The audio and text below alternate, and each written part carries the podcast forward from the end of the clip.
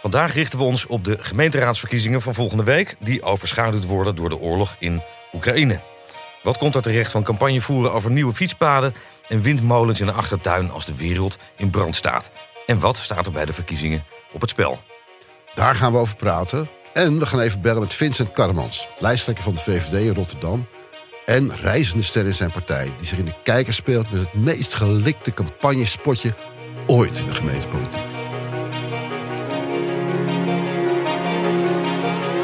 Dit is Code Rood, een podcast over de macht in crisistijd in een land waar niemand de baas is. Mijn naam is Thijs Broer, politiek redacteur van de talkshow Op 1 en politiek columnist voor Vrij Nederland. En mijn naam is Peter K., ook politiek redacteur van Op 1 en politiek commentator van de Nieuwsbv op Radio 1.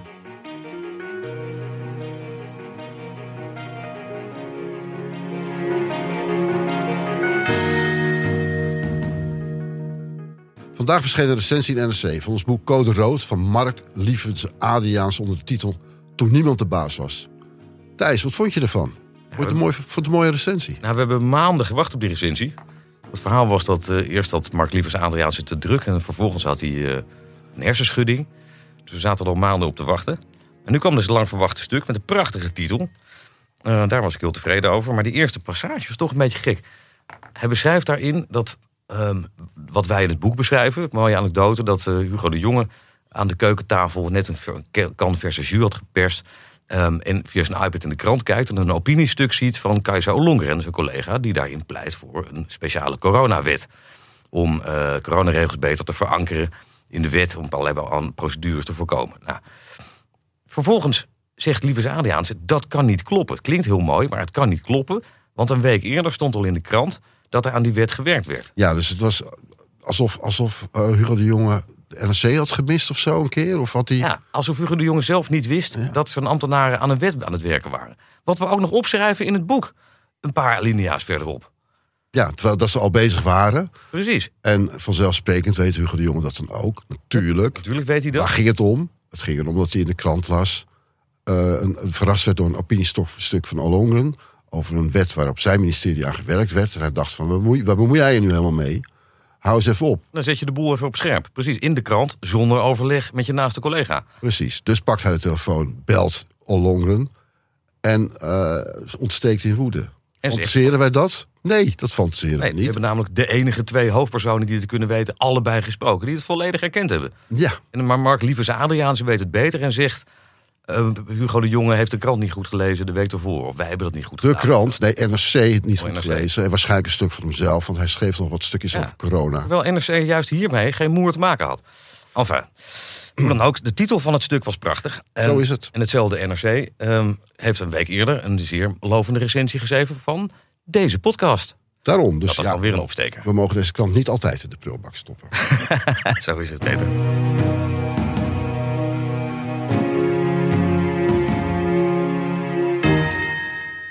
Uh, van de week is ook het, het lang verwachte Kamerdebat over de parlementaire omgangsvormen. Thijs, jij hebt er nog een column aan gewijd in, uh, bij in Vrij Nederland. Waarom heb je dat gedaan? Was het zo opmerkelijk debat? Nou, er werd al maanden naar dit debat uitgezien. Er wordt al, al heel lang over gesproken. Hugo... uitgesteld vanwege corona hier en Oekraïne daar. Precies. Uh, Hugo de Jong heeft het thema ook nog op de agenda gezet. Mede in zijn, uh, in zijn laatste afscheidsinterview met ons. Bij Op 1 en in Vrij Nederland. Waarin hij uh, pleit voor een nieuwe, niet alleen een nieuwe bestuurscultuur, maar een nieuwe politieke cultuur. En waarin hij, het, waarin hij zo vooral zijn beklag deed over de manier waarop Kamerleden met andere politici omgaan en met elkaar. Waardoor het gif van het wantrouwen langzamerhand zou kunnen doorcijpelen in de samenleving. Dus er staat nog wat op het spel. Er werd lang naar uitgekeken. Alleen, tijdens die oorlog over Oekraïne is het ook een beetje gek als de Kamer over zichzelf gaat zitten. Het was al drie keer uitgesteld, Thijs. Ja, en dat is waar. Dat, dus de Kamer heeft ook gedacht, dit is wel een belangrijk thema, ze moeten het toch maar eindelijk door laten gaan.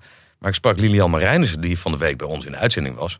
En die zei, ja, ik vond het echt gênant om daar een beetje over mezelf te gaan zitten ouwe hoeren. Ophef over de ophef. Zij is überhaupt van mening dat de Kamer niet elkaar de hele tijd de maat moet gaan zitten nemen... en algemeenheden over de toon in het debat moet gaan zitten praten... maar zich gewoon met de inhoud bezig moet houden.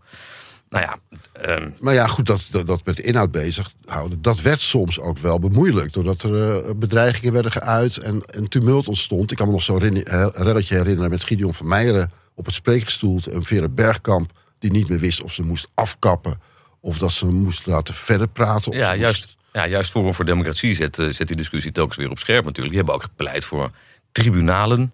Ehm, hebben nog eh, geroepen dat Sjoerd Sjoerdsma eh, nog wel eens een verdiende loon zou krijgen. Want de tribunalen komen eraan. Dat werd alom als een bedreiging gezien. Dat ging toch wel heel ver in de parlementaire cultuur.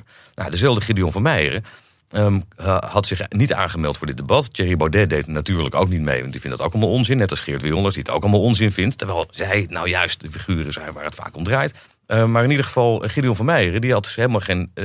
had zich niet aangemeld voor het debat. Of hij had niet meegedaan aan het debat. En kwam pas binnenlopen toen zijn eigen spreektijd aan de beurt was. Op driekwart van het, eh, van het debat of zo. Ja, En eh, begon daar toen een heel verhaal. eh, dat er eigenlijk op neerkwam dat, er, dat er, de vrije meningsuiting op het spel stond. als de Kamer zichzelf allemaal regels ging lopen opleggen. voor wat er wel en niet gezegd zou mogen worden.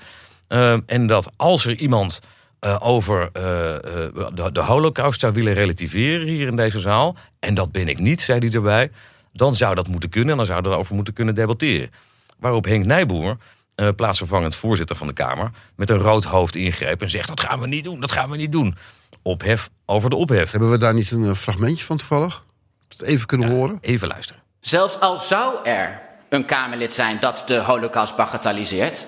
Ik zal het niet zijn, maar zelfs al zou hier een Kamerlid zijn dat een standpunt inneemt en zegt... eh, naar mijn mening zijn er slechts 300.000 Joden vermoord. Ik noem maar iets. Dan zou dat niet gebeuren. En zeker Dan niet onder het naar- voorzitterschap eh, wat ik vandaag uit. Dan is daar naar mijn mening een debat over Voor een mogelijk. interruptie. Ja, dat is uw mening, maar ik zal het niet toestaan. Nou ja, dit fragmentje toch wel weer exemplarisch voor hoe het debat verliep. Ehm, de- het debat zou dus moeten gaan over wat er wel en niet mag en wel en niet gezegd kan worden. En vervolgens eh, ontaardt het in een Babylonische spraakverwarring. Ja, maar uiteindelijk is er toch wel een motie aangenomen dat bedreigingen in de Kamer eh, niet meer mogen. En dat dat eh, tegengegaan moet worden. Ja, dat is waar. Maar waar de Kamer het dan weer niet over eens werd, is op welk moment het dan bedreiging is. Ja, nou dat is precies de crux van het verhaal, toch? Voilà. Dus de discussie ja, is eigenlijk alleen maar uitgesteld. Ehm, en zo moddert de Kamer door, terwijl het intussen bommen regent op de Oekraïne. Na de gemeenteraadsverkiezingen.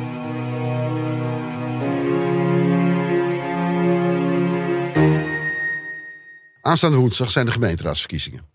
En nu de coronamaatregelen worden afgebouwd. Gisteren werd bekend, Thijs, let op. Dat de laatste maatregelen op 23 maart worden afgeschaft. Dat is Ja. precies een dag voor mijn verjaardag. Ja, geweldig. Dus- ik, ik was bijna vergeten dat corona nog bestond. Maar er er zijn nog steeds maatregelen dus. Nou ja, ik zit wel eens in het openbaar vervoer. Dan moet je nog steeds een mondkapje op. Ja, dat is en ook dan zo. Ja. moet ik echt in alle zakken zoeken of ik zo'n ding nog heb. En meestal vind ik er dan nog eentje. Weliswaar eh reeds lang gebruikt. Nou ja, dat is, eh, dat is een van de weinige plekken waar ik het nog tegenkom. Maar de partijen, die mogen nu eindelijk weer eens op campagne. Ja, ja die, die verheugde zich daar zich dan natuurlijk enorm op. Het hier wel afgelopen twee jaar natuurlijk eigenlijk helemaal geen campagne kunnen voeren. Ook niet bij de of naar de Kamerverkiezingen. Eh, dus eindelijk mocht de PvdA weer rozen uitdelen op straat. En yes, eh, de meetups. Jesse Klaver had er drie meetups op de agenda staan. En wat gebeurt er? De Oekraïne-oorlog breekt uit. En het nieuws wordt volledig, maar dan ook volledig gedomineerd door de bommen op Oekraïne. Ja, het is heel treurig dat die campagne totaal in het water is gevallen. Dat ze nu pas, zo kort voor de verkiezingen, heel af en toe een klein eh, teken van leven kunnen geven. Ja, dat is ook, ja, het is ook heel begrijpelijk. Ik bedoel, Als, als het bommen regent op, eh, op eh, Oekraïne, anderhalve dag rijden hier vandaan. En daar zelfs gesproken wordt over een dreigende kernoorlog. Over energieprijzen die door het dak gaan. Mensen die hun huur niet meer kunnen betalen straks. Ehm, dan is het natuurlijk logisch dat mensen wat minder bezig zijn met... misschien komt er wel een windmolen hier verderop in het dorp. Of eh, misschien moet de vuilnisophaal nog eens een beetje door de molen. Ja, terwijl aan de andere kant dat de huur niet meer kunnen betalen. En de, de prijs van de, de brandstofprijs, dat gaat. Dat is natuurlijk wel weer gewoon vaderlandse politiek. Weliswaar landelijk vooral. Ja, dat is Maar- waar. Ja, maar goed, als men- mensen zijn daar dus mee bezig... wat minder met de bloembak in de straat. En dat is ook nogal wie dus. Ja, en ik zag dat onze vrienden van het onderzoeksbureau INO Research eh, het ook onderzocht hebben. En gisteren melden dat, dat de Oekraïne de verkiezingen volledig overschaduwt. En dat de interesse in de lokale politiek de afgelopen maanden nauwelijks is toegenomen. Ja. In januari nog 38 procent die de, hoofd, de lokale politiek niet op hoofdlijnen volgen. En inmiddels is het 41 procent. Ja, ja het is, dat is op zich. De, de achtergrond daarvan is wel belangrijk. Dat, gewoonlijk stijgt, is, is de aandacht voor de lokale politiek. eh suddert een beetje door. Maar vlak voor de verkiezingen, de laatste weken, dan zit er een enorme hoos in. Omdat het nieuws er dan door gedomineerd wordt. We hebben het zelf ook meegemaakt bij Op1. En wel een hele serie debatten aangekondigd. En een hele Eh, we, we wilden onze eigen, eigen eh, verslaggever Thomas van Groningen elke dag het land insturen. Die Ja. reportages terug zou komen. Ja. Hebben we allemaal van afgezien. En de gesprekken met de landelijke partijleiders, die oorspronkelijk in het teken zouden staan van de gemeentelijke politiek. Die gaan eigenlijk ook alleen over Oekraïne en een heel klein beetje over wat punten uit, eh, uit de. Eigenlijk wel. Ja. En zo gaat het in de hele journalistiek. Tot frustratie natuurlijk van al die lokale lijsttrekkers. Ja, dat zal toch wel zo'n gevolg hebben voor de opkomst, kan ik me voorstellen. Nou, dat is misschien nog het treurigste van deze hele geschiedenis. Dat die partijen zich niet zo erg kunnen laten gelden. Daar kan je nog van denken, nou ja, zo gaat dat dan nu eenmaal. Maar als de opkomst ook nog eens daalt, is dat voor de democratie natuurlijk heel slecht. En dat was de afgelopen jaren, vorige keer vier jaar geleden, was het 55 procent. Dat is ook wel heel mager. Het is ook wel 20, 25 procent eh, lager dan de landelijke verkiezingen. En nu daalt die opkomst misschien wel onder de 50 procent. Dat betekent dus dat minder dan de helft van de mensen nog zijn stem wil laten horen in de gemeentelijke politiek. Dat is toch treurig. Ja, maar, ehm, maar dat heeft waarschijnlijk ook nog wel rep- eh, ge- gevolg voor de uitslag. Want ja, je, je vraagt je af wie gaan er nu winnen. Eh, maar een lage opkomst, dat is meestal in het voordeel van partijen met eh, gezagsgetrouwe stemmers. Zoals mensen van het CDA bijvoorbeeld. Het CDA die heel slecht voor staat in de prognoses, in de peilingen. Ja, die zakken langzamerhand weg naar een magere 7% ja, bij Maurice de Hond, landelijk gezien. Maar als de Ja. opkomst onder de 5% zakt, dat is natuurlijk goed voor partijen. Nou ja, zoals het CDA, misschien voor de VVD. Met een trouwe achterban, een wat oudere achterban. Die gaan natuurlijk gewoon Ja. stemmen. Ja, en de VVD, ja, en de VVD ehm, profiteert er misschien ook nog eens van dat Mark Rutte nu ehm, op het internationale podium schittert dag in dag uit. Hij Nou, moet dat zie ik in ieder geval nu al terug in de peilingen. Want hij was eh, bij Maurice de Hond was hij in een maand tijd vijf zetels omhoog geklommen. De VVD steeg vijf zetels. Van 22 naar 27. Nog steeds beduidend minder dan die 34 die ze bij de verkiezingen hadden gehaald. ja, maar hij zou best eens een eindspeurtje kunnen maken nog. Meestal doet hij dat wel. Als in, in dit soort eh crisissen eh, het land ontwikkeld is in zulke crisis als dit. En hij de staatsman is. Zoals bij corona, bij de, gemeente, bij de eh, Tweede Kamerverkiezingen vorig jaar gebeurde hetzelfde. En wij weten ook dat hij eh, inmiddels de meeste optredens heeft afgezegd. die, die in verband hadden met eh, de gemeenteraadsverkiezingen. Ja, hij wil zich alleen nog maar als staatsman laten gelden. Ja. Heel verstandig natuurlijk. Intussen eh, wordt er in de grote steden volgens INO een nek-aan-nek nek aan nek race uitgevochten tussen D66 en GroenLinks in Amsterdam, Utrecht en Groningen. En kan Hart voor Den Haag van Richard de Mos en Rita Verdonk in Den Haag de grootste worden. Dat dan weer wel. Ja, Richard de Bos laat niet na mij dat dagelijks te melden... en te vragen wanneer hij toch eindelijk bij ons in de uitzending kan zitten bij Op 1. Eh, want hij had een mooi campagnespotje gemaakt. Eh, hij benadrukt weer, we halen hier wel 30% van de stemmen in de, in de stad. Oh, ja, van mij mag hij komen hoor. Iedere dag moet ik hem weer teleurstellen. Zeg ik, sorry Richard, het gaat vandaag over Oekraïne. Ja, we hebben vorige week nog ons best gedaan om Rita Verdonk in de uit- uitzending te hijsen. Was het vorige week? Ja, vorige week. Maar die, eh, die kon niet, omdat de man ziek was of zo. Dat is dan weer heel we hebben wel een kans gegeven. Ja, we hebben er zeker een kans gegeven. Hoe is het eigenlijk met Volt? Want die eh, stonden op 10 zetels in de peilingen een paar weken geleden bij, Ja. bij de Hond. Ehm, Maar dat zakt langzamerhand weg. En wat is de reden ook weer? Wat denk je? oh man, wat een rare kwestie, die affaire Gundogan. En wat hebben ze dat ongelooflijk beroerd aangepakt. Hè? Gundogan is de nummer twee van de partij die aan grensoverschrijdend gedrag gedaan zou hebben hè, de Ja. afgelopen maanden. En daarop de rechter inschakelde. Die geschorst eh, is uit de fractie, meenam. uitgelazerd. ja. De rechter heeft net van de week geoordeeld dat ze toch weer tot de fractie zou moeten worden toegelaten. Waarna Volt, het bestuur van Volt, toch nog in hoger beroep is gegaan.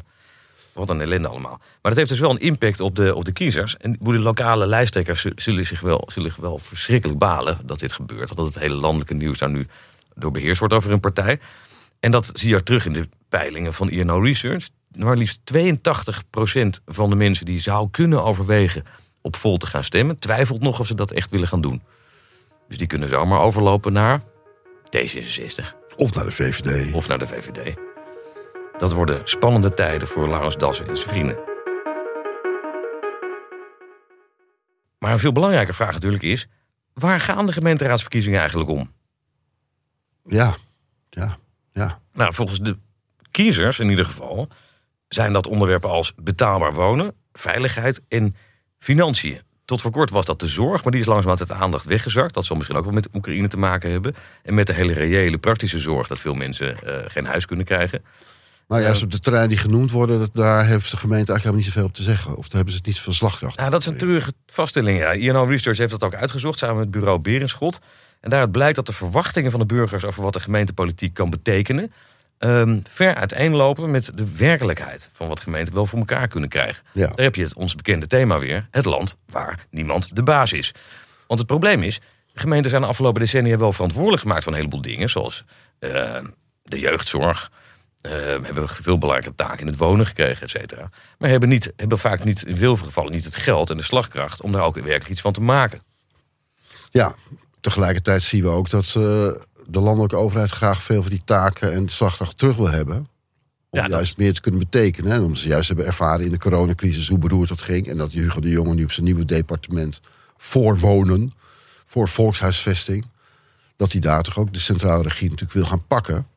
Nou dat wordt nog een hele klus. Want eh, al die andere ehm, gremia die houden natuurlijk vast aan de verantwoordelijkheden die ze hebben gekregen. Ja, Dus dat gaat een heel gevecht voor hem worden. En intussen moeten de lokale politici dan toch nog iets zien te maken van hun campagne. ja, je vraagt je wel af hoe moet je dat toch doen als het intussen bommen regent op Oekraïne. Nou, daar gaan we zo dadelijk eens over bellen met Vincent Karmans, lijsttrekker van de VVD in Rotterdam. Even bellen met Vincent Karmans.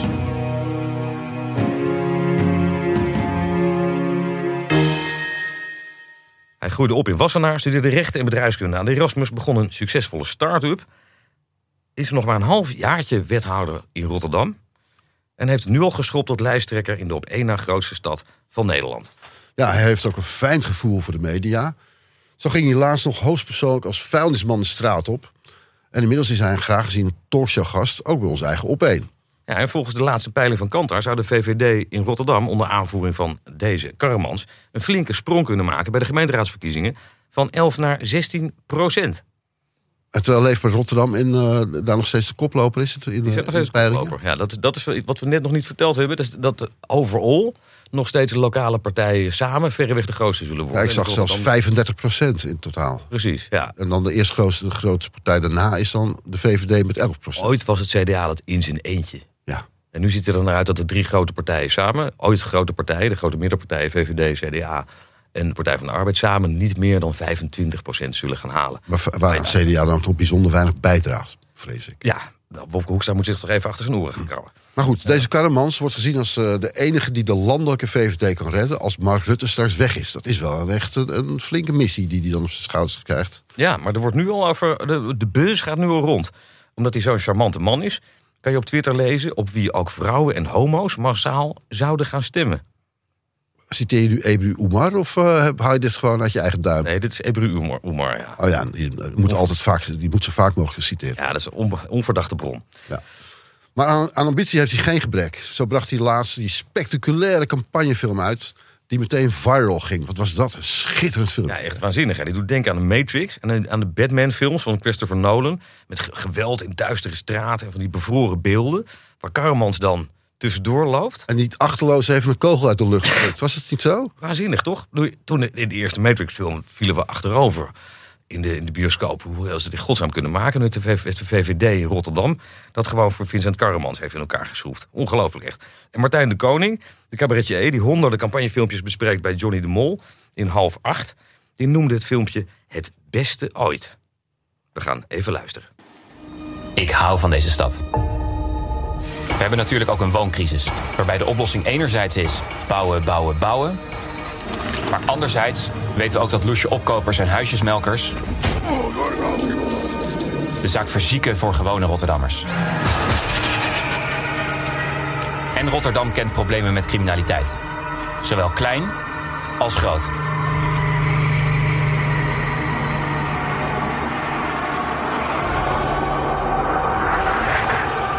En ik kan het weten, er is ook geschoten in mijn eigen straat. Geweldig. En dan komt dus die scène met die kogel. Waanzinnig. Ah, Vincent. Thijs. Ah, ik zit hier met, eh, ja. hi, ik zit hier met eh, Peter K. in de studio. Heb je het, eh, heb je het druk gehad vandaag? Met campagne? Nou ja, inderdaad. Ja, nou, niet met campagne voeren, maar met opvang van Oekraïnse vluchtelingen. Dat is nu even prioriteit. Ja, daar ben je als wethouder Dus- ook verantwoordelijk voor. Ja, ja, ja. Dus dat, is, eh, even, dat was even snel schakelen en doorpakken deze week. Eh, maar dat, eh, dat, dat zit nu allemaal op de rails. Maar daar ben ik wel. Ja, we proberen van alles te regelen voor die mensen. Ja, natuurlijk. Dus Ja. dat, dat gaat even voor. Ja, nou, daar gaan we het zo over hebben. Ehm, we, hebben het, we hebben net al even gesproken over dat spectaculaire campagnefilmpje van je... dat de afgelopen paar weken viraal ging. Ehm, Martijn de Koning, heb je misschien wel gezien, de cabaretier... die zat van de week bij, bij half acht, bij Johnny de Mol... en beweerde daar dat dat minstens een halve ton zou hebben gekost. Klopt dat? Nou, daar doen wij geen uitspraken over. Dat, dat wil ik best op eh, 17 maart stellen, maar tot die tijd eh, houden we dat even vol. Waarom is dat geheim tot die tijd dan? Nou, omdat, eh, want dan wordt dat de onderwerp van discussie. Eh, namelijk eh, eh, eh, de prijs, of je dat veel of weinig vindt, et cetera. Dus het is een, een, een, iets wat we... eh, we willen vooral focussen op ons eh, inhoudelijke, inhoudelijk programma. Oké, dan doen eh, wij niet, dat. op, niet, niet op de prijs van een spot. Nee. Oké, oké. Dan doen wij dat nu ook. Voor deze keer. Dan komen we op 17 Heel maart weer terug op de, op de prijs. Ja. Ja, ja, bel dan Eh, maar op. Ja. maar er zit ook een, een interessante kritische tekst in over Mark Rutte. Je eigen oppermachtige partijleider. En dat, die klonk zo. Er zijn nog steeds mafketels die het ontkennen. Maar we worden allemaal geraakt door klimaatverandering. Allemaal. En ik weet het, mijn partij zei ooit: windmolens draaien op subsidie. Maar daar zit ik echt anders in. Belde Mark Rutte jezelf nadat, nadat hij dit hoorde? Of had je een woedende Thierry Aarts aan de lijn, de campagneleider? Nee, ik had een sms'je van Mark dat, het, dat hij het fantastische film vond. Ja, maar dat doet hij bij mij ook altijd als hij bij ons geweest is. Dan appt hij, hey, gaaf Peter, dat was super. Ja. Nee, nee, nee. Hij vond het helemaal geweldig. Nee, dus dat was. eh, nee, ik heb, nee, dat vond hij helemaal goed. Maar eh, er zit toch wel enige afstand tussen jullie in ideeën over windmolens, dacht ik. Nee, want kijk, wat het, wat het is, is dat natuurlijk eh, de VVD in het verleden altijd een beetje op de rem heeft gestaan als het ging om de aanpak van klimaatverandering en het investeren daarin. En dat een nieuwe generatie VVD'ers, en dat heeft eh, Sophie Hermans volgens mij ook bij de laatste algemene beschouwingen eh, heel aardig verwoord, is dat ja, toch daarbij die nieuwe generatie dat besef is, is dat dat, dat, dat, dat, wel, wel anders moet. Hè? Dat je veel moet investeren in die klimaatverandering. En Rutte heeft daar zelf ook over aangegeven dat hij daar anders over gaan denken. Dus ja, het is ook verder niet heel. ehm, niet heel erg gericht tegen Rutte, maar wel eh, gericht eh, eh, op het beeld wat er is van de VVD. Dat het een partij zou zijn die niet voor het investeren in klimaatverandering heeft een klimaatverandering is. Ja. De VVD heeft gewoon een definitieve draai gemaakt. Nou ja, kijk, ik vind altijd dat eh, eh, draaien heel eh, negatief in de politiek wordt. dat vind ik altijd heel grappig, hè, dat het heel negatief wordt geframed. Ik zeg het draaien. ja, ja, maar dat het idee van een debat is natuurlijk elkaar proberen te overtuigen. En je kan ook tot nieuwe inzichten komen. Dat zijn we ook bijvoorbeeld door het vuurwerkverbod gekomen. Hè. Dus wij hebben in Rotterdam hebben we, op initiatief van de VVD een vuurwerkverbod eh, eh, ingevoerd.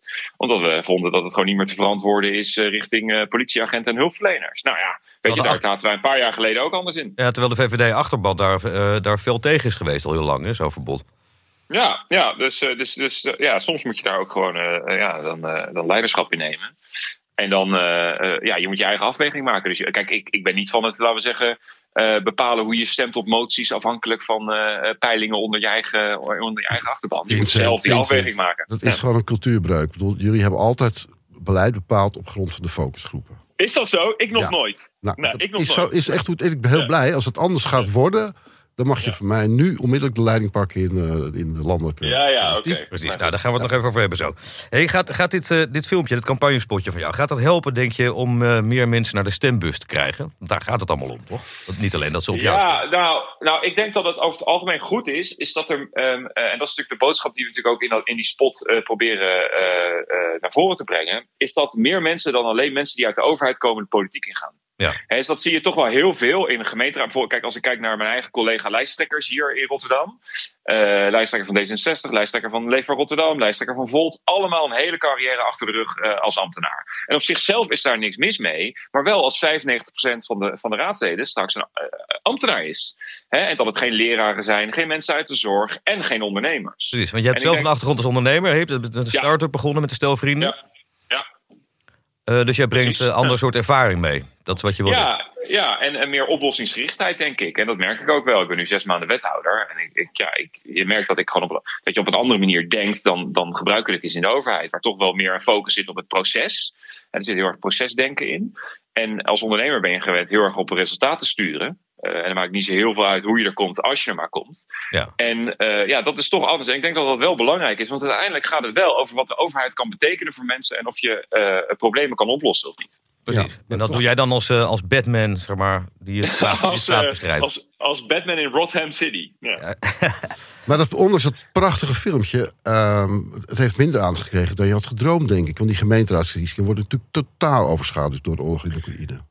Ja, maar dat is, het, is, het is niet alsof ik daarmee. Dat vind ik volstrekt logisch, als ik heel eerlijk ben. Weet je, dus het is ook. Het is ook kijk, voor ons als. wij moeten uh, uh, natuurlijk campagne voeren. Hè? Dat doen we ook, omdat we ook vinden dat het onze dure plicht is om het te doen. Omdat ja, vrije verkiezingen en zelf bepalen wat er met je stad of land gebeurt. Dat is hetgeen waar die Oekraïners nu voor vechten. Die willen namelijk zelf bepalen wat, wat, wat in hun land gebeurt en niet meneer Poetin.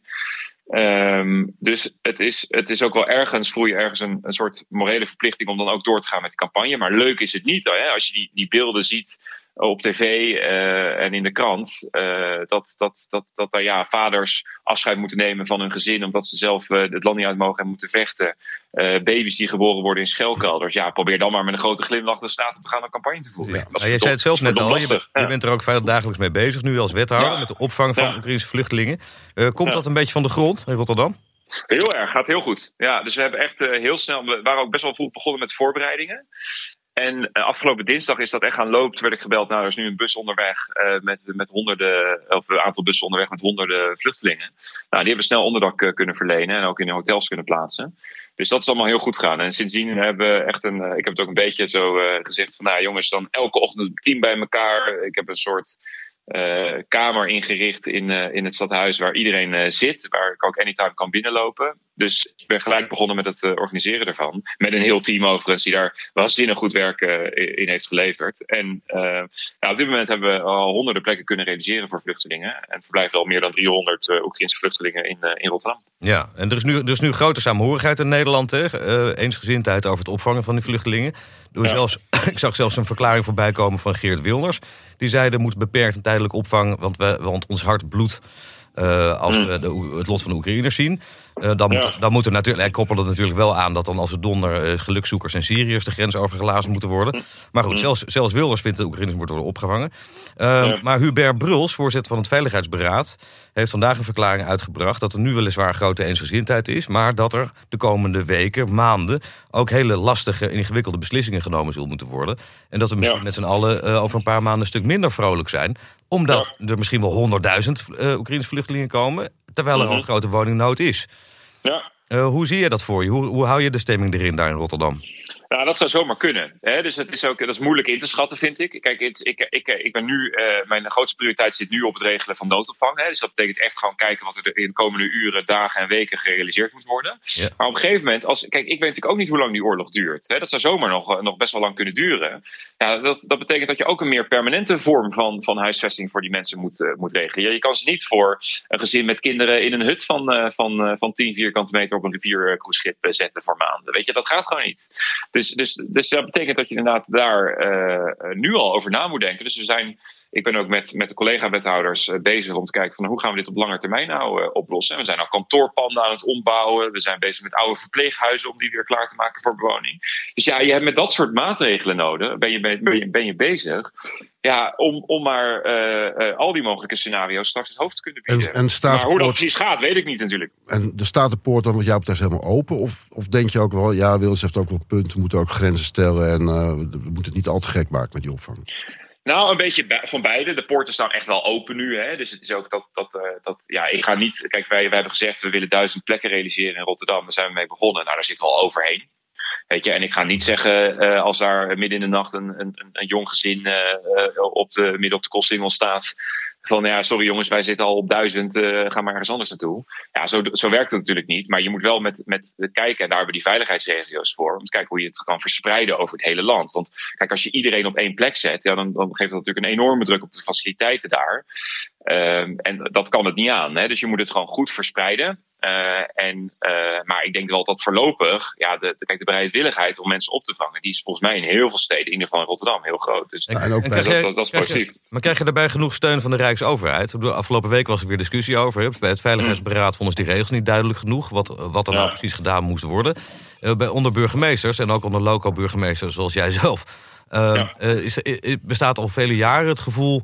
De Rijksoverheid gooit met veel plezier allerlei verantwoordelijkheden en taken over de schutting... zonder de middelen erbij ja. te doen om er iets van te maken bij de gemeente. Merk je dat ook op andere terreinen?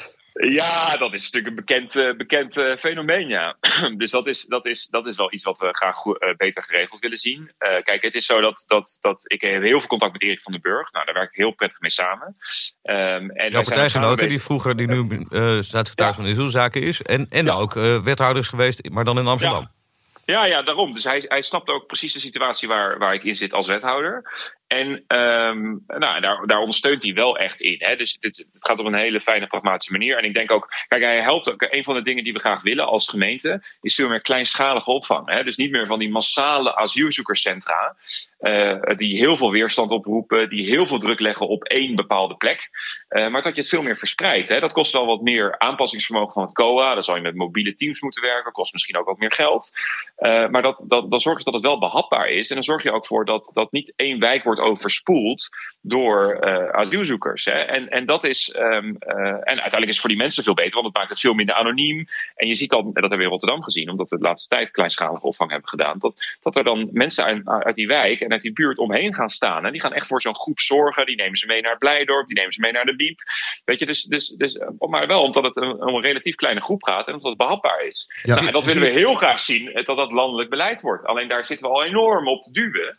Alleen ja, dat hebben we nog steeds niet voor elkaar. Kijk, Erik van den Burg wil dat wel, maar we moeten nu echt doorpakken met zo'n manier van, van asielopvang. Maar ja, Van den. Burg en jij zijn echt eh, geen typische, een beetje atypische VVD'ers. Want Van den Burg zei in zijn eigen periode in, eh, als wethouder in Amsterdam al van eh, asielzoekers zijn geen gelukszoekers. Jij doet nu alle mogelijke moeite om mensen op te vangen. Zijn jullie daarin ook anders dan die mafketels die vroeger de partij runden? Nou, ik denk nog niet dat het mafketels waren. En bovendien vinden wij, vind ik ook dat, kijk, dat je mensen die geen recht hebben op verblijf, die moet je ook gewoon zo snel mogelijk terugsturen. En Ja. daar moet je al het mogelijk aan doen. Omdat, want, want dat is, weet je, dat, dat zo, eh, asielsysteem werkt alleen als het ook rechtvaardig is en vervolgens ook werkt. Hè? Dus dat je mensen die recht hebben op verblijf, dat je die ook eh, een goed verblijf kan bieden. Maar volgens de mensen die geen recht hebben op verblijf, dat je die ook terug kan sturen. Hè, want anders raken die asielzoekerscentra dus overvol. eh en ehm, eh, ja, dan wat leidt tot, tot Ja, dat alle ellende van dien. Op zich, dat is het dus bekende VVD-standpunt natuurlijk. Ja, maar dat is, dat is, dat, en dat is, ook, dat is ook wat ik 100% vind. Ja. Hè, dus, en ik vind, ik vind ook dat, je dus, eh, ehm, ehm, eh, ja, dat er ook een, een, een max zit aan het aantal mensen wat je kan opvangen. Eh, maar kijk, nu is het even noodbreekwet, omdat er gewoon een oorlog is in, in, eh, in, eh, in een land wat dichterbij ligt dan Portugal. Weet je, het is onze eigen regio, het, is, het is gewoon in Europa. Ja, dan vind ik ook dat je gewoon nu even snel moet zorgen dat, dat, dat, dat, dat je die opvang regelt. En, dan, en tegelijkertijd ook werkt aan een, aan lange termijn oplossing. Ja.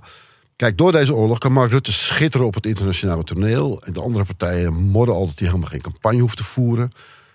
Profiteert de VVD hiervan, van zijn staatsmanschap bij deze verkiezingen? Ja, weet ik niet. Ik weet, eh, dat is, vind ik moeilijk in te schatten hoor. Dat, Vijf dat- zetels dat meer, zag ik bij Kijk, ja, dat, dat, ja, nou goed. Kijk, de enige peiling die, erom, die ertoe doet, is de peiling eh, op, op 16 maart. En, en met lokale verkiezingen heb je toch ook weer met, met lokale partijen te maken. In, in ons geval van Rotterdam. Weet je, dus dat heeft toch, geeft toch wel echt een andere dynamiek. Ehm, dus, en Mark Rutte staat ook nergens op, op de lijst natuurlijk. En dan weet ik wel dat het landelijk beeld heel bepalend ook is voor. voor Dat helpt je enorm. Vincent, als je eerlijk bent. Kom. Nou ja, ik, ik denk dat het, dat het, eh, dat het eh, kan helpen. Maar dat, dat is sowieso met Mark Rutte. Mark Rutte is gewoon een, een ja, dat is gewoon een, een, laten we zeggen, een, eh, een dijk van een merk eh, in, eh, in, in politiek Nederland. Dus dat heeft de CVD in van, van laten we zeggen, eh, Schiermonnikoog tot en met eh, Vlissingen altijd wel geholpen. Ehm, en, en nu vast ook wel, nou ja, dat, dat, dat zal vast. Alleen ik vind dat moeilijk in te schatten omdat het lokale partijen zijn. Hè? Omdat ja, ik zie ook hier peilingen. Nou ja, dat, dat loopt ook een beetje. Weet je, dan zie je D66 weer een beetje teruglopen, terwijl ze landelijk wel eh vooruit gaan. 16 Het is, procent zag ik. het, is, het is niet één op één, zeg maar. eh Was dat niet eh, 16%? te vertalen naar standen. Nee, wij staan op 16 procent. Ja. Ja. Ja, ja, ja, En, en Nee, maar ik had het over 21. D66. Weet je, want je ziet landelijk D66 ook stijgen, maar hier zakken die weer een beetje. Dus het is een beetje, nou, eh, het is maar hoe je het wil interpreteren. Ja, die gaan het in ieder geval van Batman verliezen. Zeg, er zijn, er zijn mensen die zeggen dat jij de enige bent die de VVD kan gaan redden... als, eh, als Mark Rutte ooit vertrekt. Want ook vrouwen en homo's zouden op jou gaan stemmen. Ben je je al warm aan het lopen voor het lijsttrekkerschap? Nee, helemaal niet. Nee, nee, nee, nee, nee, helemaal niet zelfs. Nee, nee, nee, nee. Maar heb je er niet ooit al eventjes van gedroomd? Als vrienden zeiden van eh, Vincent, jij moet het gaan doen? Nee, omdat, kijk, ik, heb, ik ben wel zo realistisch dat ik zeg maar, eh, mijn geluk niet afhankelijk wil maken van politiek. Weet je, de politiek is super grillig. Ehm, ehm, ehm, je kan wel prachtige ambities hebben om het kabinet in te willen of, of om, om dit of dat te worden. Maar als de VVD bij de volgende verkiezingen eh, drie zetels haalt, of net zoals de Partij van de Arbeid nu eh, onder de tien zetels duikt.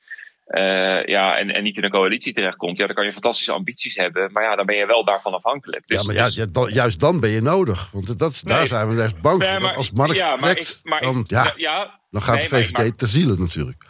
Nou, maar ik maak mijn ambitie, ik, dus, maar ik maak mijn geluk er niet van afhankelijk. Dus ik, heb niet, ik, ik cre- creëer niet voor mezelf zo'n ambitie dat ik dat wil of dat ik helemaal, dat heb ik helemaal niet. Weet je, dat is, ook, dat is misschien ook, weet je, als start-up ondernemer kijk je ook altijd maar zes maanden vooruit, omdat je niet weet dat je, eh, of je dan nog wel geld hebt. Dus je bent altijd bezig met de planning over zes maanden. Dus diep van binnen, maanden. diep van binnen Ja, blijf je dus- een start-up ja. ondernemer. Ja, Een start-up ondernemer die misschien ooit zichzelf een start-up geeft in de landelijke politiek. Ja, maar ik, ik, ik ben er niet van aan het dromen en ik ben ook niet mee bezig. Weet je, ik, ik heb geen blinde ambitie om naar Den Haag te gaan. Kijk, als ik dat had gehad, dan was ik wel begonnen als, als, als medewerker bij de Tweede Kamerfractie en me daarna opgewerkt tot Ja, beleidsmedewerker. dan, kom, dan, kom je op de lijst. Dan ja. kom je vanzelf op de Ja, lijst. Dat is ja, maar ja, dat is een beetje de geëigende weg, hè? Ja, dat kun je wel zeggen. Ja, nee, ja, en dat heb ik dus bewust niet gedaan, want dat, ik heb die blinde ambitie niet. Nou, eerst maar even de verkiezingen in Rotterdam winnen dus. Ja, dat, dat is waar we nu mee... Ja, eerst maar even die opvang goed regelen. En dan hebben we ook nog eens een keer die, die verkiezingen erbij. En dan, eh, eh, en dan zien we het wel weer. Nou, heel veel succes. Veel Dankjewel. succes. Dankjewel. Zo, Thijs. Leuk hè, zo'n start-up ondernemer in de politiek. Ja, Dat klinkt wel, het klinkt heel energiek in ieder geval. En Verbaas is natuurlijk echt een wonder van... eh, van eh, maar ja, hij doet het met grote gemak. En, en, en hij is nog maar een half jaar wethouder. Daarvoor heeft hij een beetje in de raad gezeten. Dat was het dan. nou ja, ik heb wel ooit eens een keer een poster, een verkiezingsposter gezien... waarin hij hoog te paard zat. Te letterlijk, letterlijk. op een paard. Ja, Ja, hij weet wel hoe hij zich in de kijker moet spelen. Nu dus ook met dat filmpje dat hij, waarin hij dus als een soort Batman eh, Rotterdam van, eh, van de schurken bevrijdt. ja, maar wat ik wel weer mooi vind... is dat hij dan deze, in deze rol als wethouder... verantwoordelijk voor de opvang van vluchtelingen... ook vol vuur aan het werk is. Je hoort de betrokkenheid er vanaf spatten. En zo ken ik VVD'ers niet echt eigenlijk. De toon was de afgelopen jaren een beetje anders eigenlijk. Ja, Bente Bekker, Sinds Pim Fortuyn. de boel moet op slot. Precies. De, Ja. de, ja, de, de PVV-corvée, die dan dat soort... eh, ook mensen van de nieuwe generatie VVD... toch eh, moeiteloos omarmde. ja, dat is waar. Gelu- Gelukzoekers moeten de grens over worden gezet. Waar dezelfde VVD trouwens niks van heeft gebakken. Want An- Ankie Broekers, die ervoor verantwoordelijk was, staatssecretaris... is het niet eens gelukt om belet te krijgen bij haar collega in Marokko. Maar ja, dat was wel van de oude generatie mafketels. Zoals eh, Vincent Karremans dat eh, omschrijft.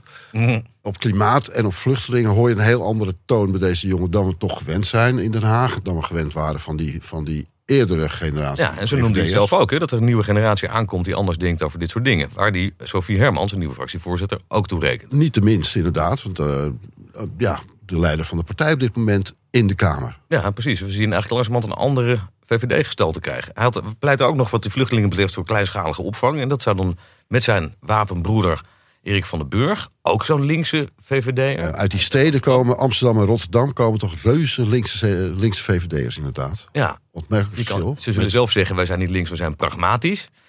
Eh, maar toch lijkt er langzamerhand een andere wind te gaan waaien bij de VVD. Wie weet waar die partij dat gaat brengen. En de grote vraag is natuurlijk, wat gebeurt er als de oppermachtige Mark Rutte vertrekt?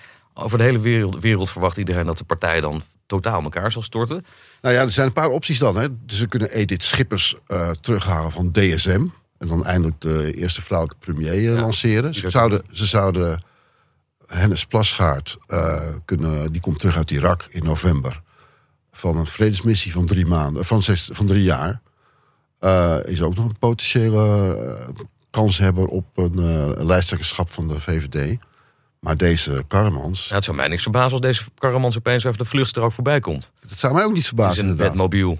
Ja, En dat als er een beroep op hem wordt gedaan door de partij, dat hij dan uiteindelijk geen nee zal zeggen. En dat hij het mooiste filmpje klaar heeft staan dat we ooit hebben gezien. Want dan heeft hij echt budget. Volgende week bespreken we de uitslagen van de gemeenteraadsverkiezingen. Ja, dan gaan we even kijken wat voor schade er is aangericht bij het CDA. En Wopke Hoekstra nog een paar kiezers weten vast te houden of Volt helemaal ten onder gaat door de affaire Gundogan. En of de VVD enorm gaat profiteren van het staatsmanschap van Mark Rutte. We weten het allemaal volgende week en dat gaan we dan bespreken. Heb jij vragen die we in de aflevering moeten beantwoorden? Laat het weten op Vriend van de Show. Vriendvandeshow.nl slash code rood. Code Rood is een podcast van Dag en Nacht Media. Het gelijknamige boek ligt nu in de winkels en is uitgegeven door Pluim. Redactie en edit door Tom Aalmoes. Muziek door Lucas de Gier.